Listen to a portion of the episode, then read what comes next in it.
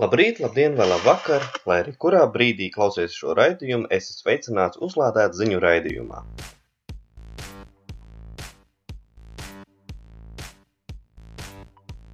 Ar jums šodien ir Kārlis Menciņš, un es ar jums kopā iziešu cauri dažām no aktuālākajām autotransporta ziņām. Esiet sveicināti! Pēc Latvijas vieniem no lielākajiem svētkiem, kuros Rīga ir apbrīnojami tukša un līdz ar to tīra, Es šo svētkus apstākļu sakritības dēļ pavadīju tieši Rīgā, noskaidroju, cik labi būtu, ja Rīgā nebūtu tik daudz mašīnu kā ir ikdienā. Tas ir burvīgi. Liekas, ka es nebiju jutis svaigāk gaisu Rīgā, kā tas bija Jāņu svētku laikā, ja neskaitīgi pa laikam sastopamos ugunskura dūmus. Bet tagad ķersimies klāt ziņā. 11. jūnijā ministru kabineta sēdē apstiprināta Latvijas nacionālā pozīcija par Eiropas komisijas paziņojumu tīru planētu visiem. Strateģiska Eiropas ilgtermiņa redzējums par pārticīgu, modernu, konkurētspējīgu un klimatneitrālu ekonomiku. Latvija pauž savu atbalstu Eiropas Savienības virzībai uz klimatneitralitāti 2050. gadā. Kā teica vides aizsardzības un reģionālās attīstības ministrs Jūris Pūce, Latvija ar pozīcijas apstiprināšanu ir spērusi nozīmīgu soli un apliecinājusi, ka ir gatava sniegt savu pienesumu klimata krīzes novēršanā.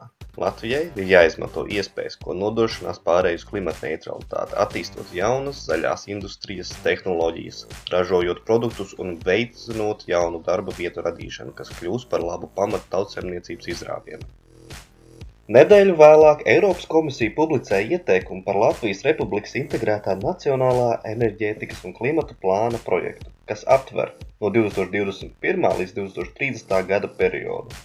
Ieteikums ir sešu lapas pušu garš. Es nelasīšu visu, bet izcelšu dažus no tur minētajiem ieteikumiem.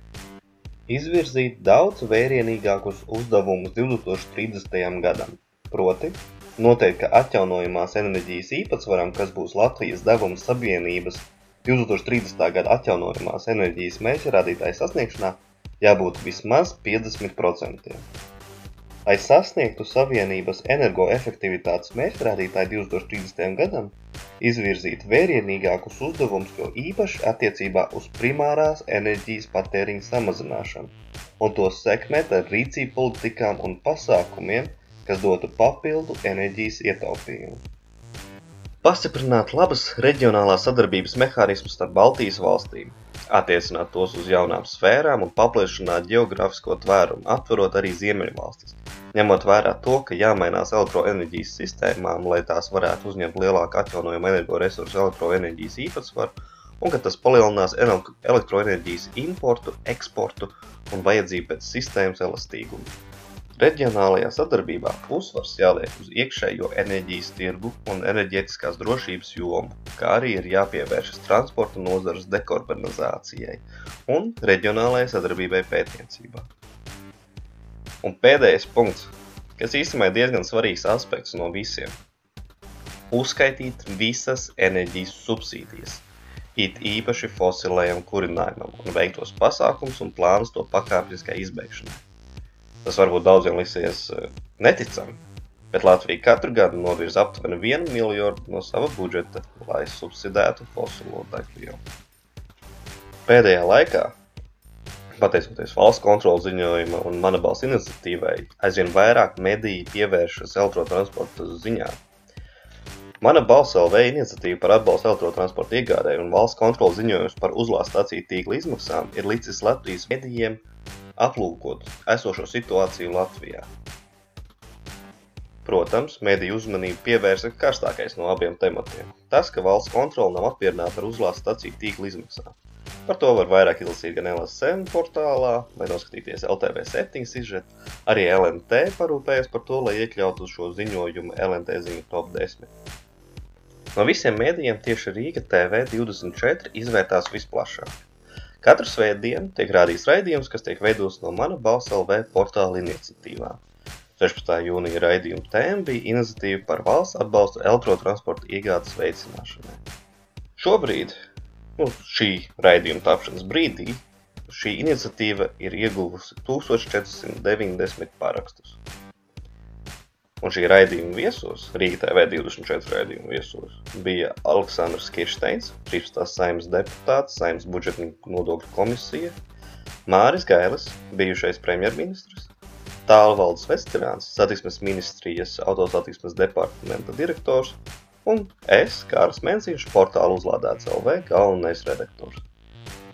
Raidījums izvērtās man pašam negaidīt produktīvs un iedrošina to noskatīties. Saists to aprakstā. Rīga TV24 raidījumā satiksmes ministrija prezentēja savu plānu. Šis plāns nav jauns, tas jau tika agrāk izveidots, un es citos pasākumos to biju redzējis, dzirdējis.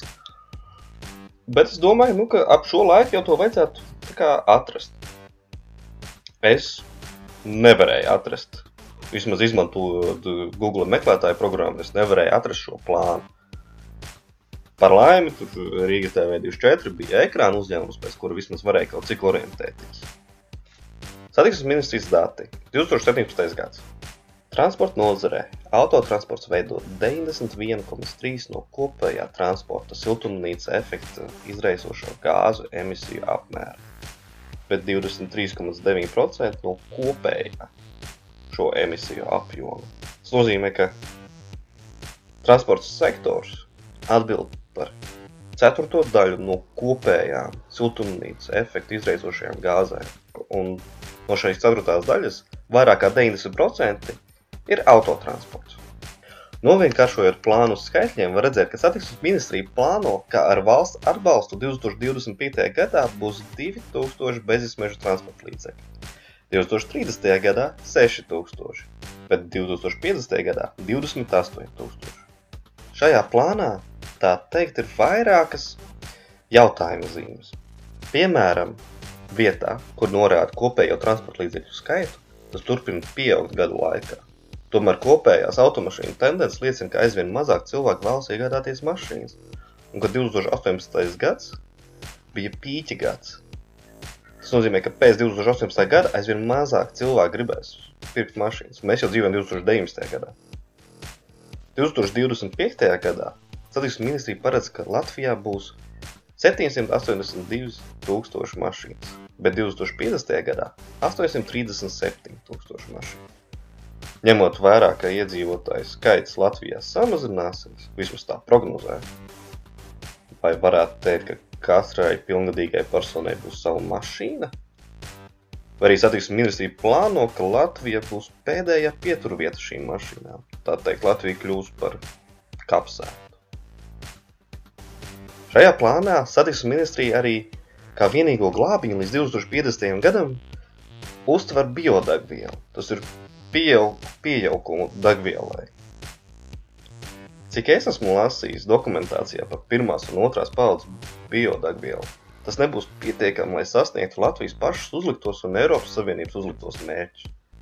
Tātad satiksmes ministrijas mērķis jau ir zem valsts un Eiropas Savienības mērķi.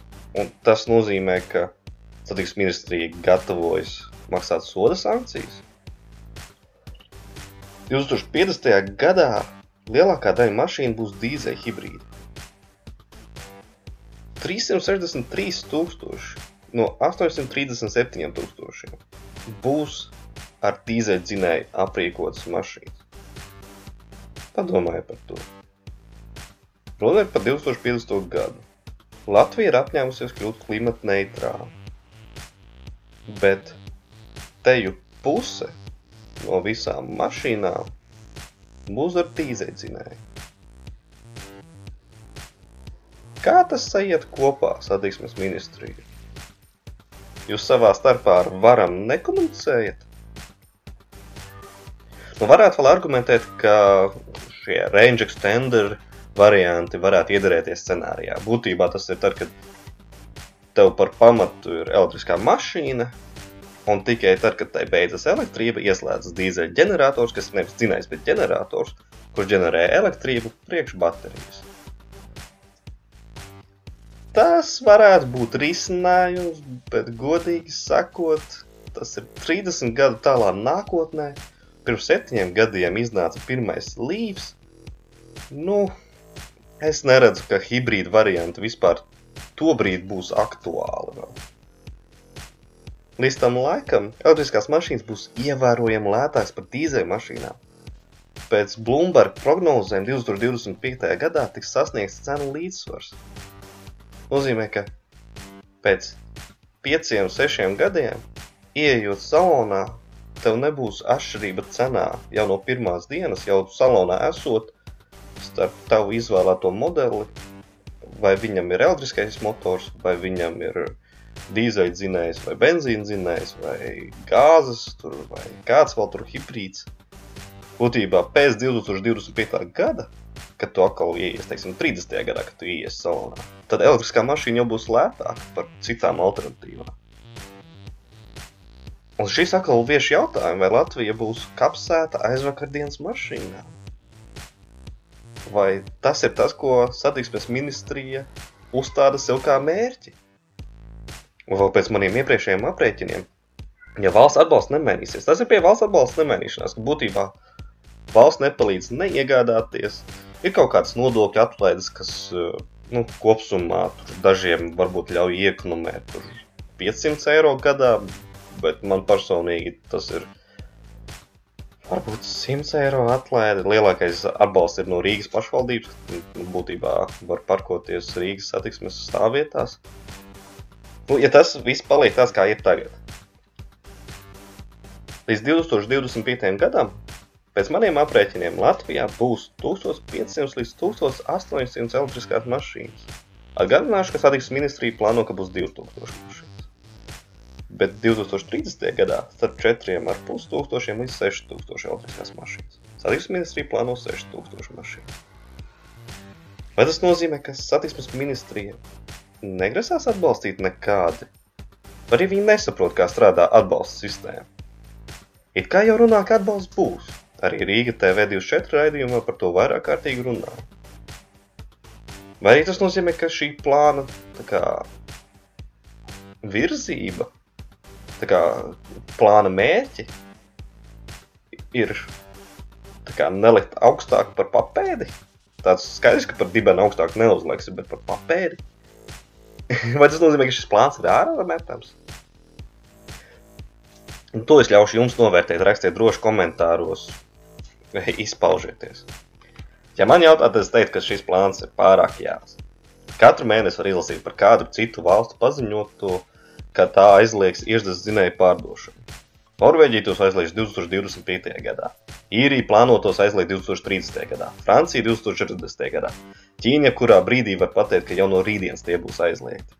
Tikmēr mēs Latvijā ceram, ka dīzels vai arī hibrīds sasādīs 40% no autoparka, bet bezizmešu transporta līdzekļi 2050. gadā. Kad jau sen visa Eiropa būs pārgājusi būtībā uz bezizmešu transporta līdzekļiem. 2050. gadā Latvijā elektrotransporta līdzekļi nesastādīs pat 5% no autoparka. Lai, lai tas iesēžas jums prātā. Satiksmes ministrija paredz, ka 2050. gadā Latvijā no visa Latvijas autoparka būs mazāk kā 5% elektriskās mašīnas.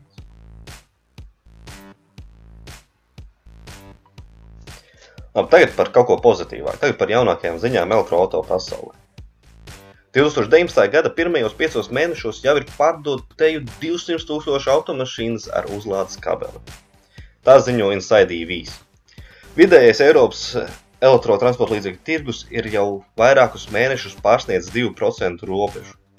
Vācija ir lielākais no Eiropas Savienības tirgiem ar 40 tūkstošiem pārdotām vienībām pirmajos piecos mēnešos, un liekas, ka 100 tūkstoši tiks sasniegti gada laikā, un 65% no Eiropas mašīnām ar uzlādes kabeli bija tīri elektriskās, un atlikušie 35% bija hibrīdi.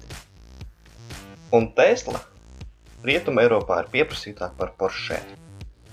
Tesla Model 3 pārdoto vienību skaits Rietuma Eiropā tevi pārsniedza visus Porsche modeļus kopā ņemot. Ja ieskaita Model S un Model X pārdotās vienības, Porsche palika jaņos. Labi, negluži jaņos, no tur pa pāris tūkstošiem atšķirība. Nākamais tuvākais konkurents, kas Teslai tagad ir jāpārspēj, ir Jaguar. Jaguar pārdeva 35 tūkstoši vienības pirmajos piecos gada mēnešos. Tesla pārdeva 31 tūkstoši. Porsche 27, Alfa Romeo 22,5, Lexus 20 tūkstoši vienības. Ņemot vērā, ka Tesla Model 3 piegāde sākās tikai februāra vidū Eiropā, tad rezultāts ir diezgan labs. Ja būtu sākuši, teiksim, decembra vidū, tad visdrīzāk arī Jaguar būtu apsteigts. Bet pieminot Jaguar, šis autoražotājs plāno elektrisko XJ vai XJ. Kā, kā jums patīk to izrunāt? Sākumā Jaguar paziņoja, ka šovasar pārtrauks XJ ražošanu. Pirms pāris dienām elektriks ziņoja, ka Jaguar to aizstās ar elektrisko versiju. Būtībā tas nebūs XJ, bet gan tā aizstājējs. Arī tomēr tas būs XJ. Šo jauno elektroauto taisīs uz svaigas platformas, kuru vēlāk izmantos, lai taisītu pilnīgi elektriskās un hibrīda paveida automašīnas kopā ar Land Rover.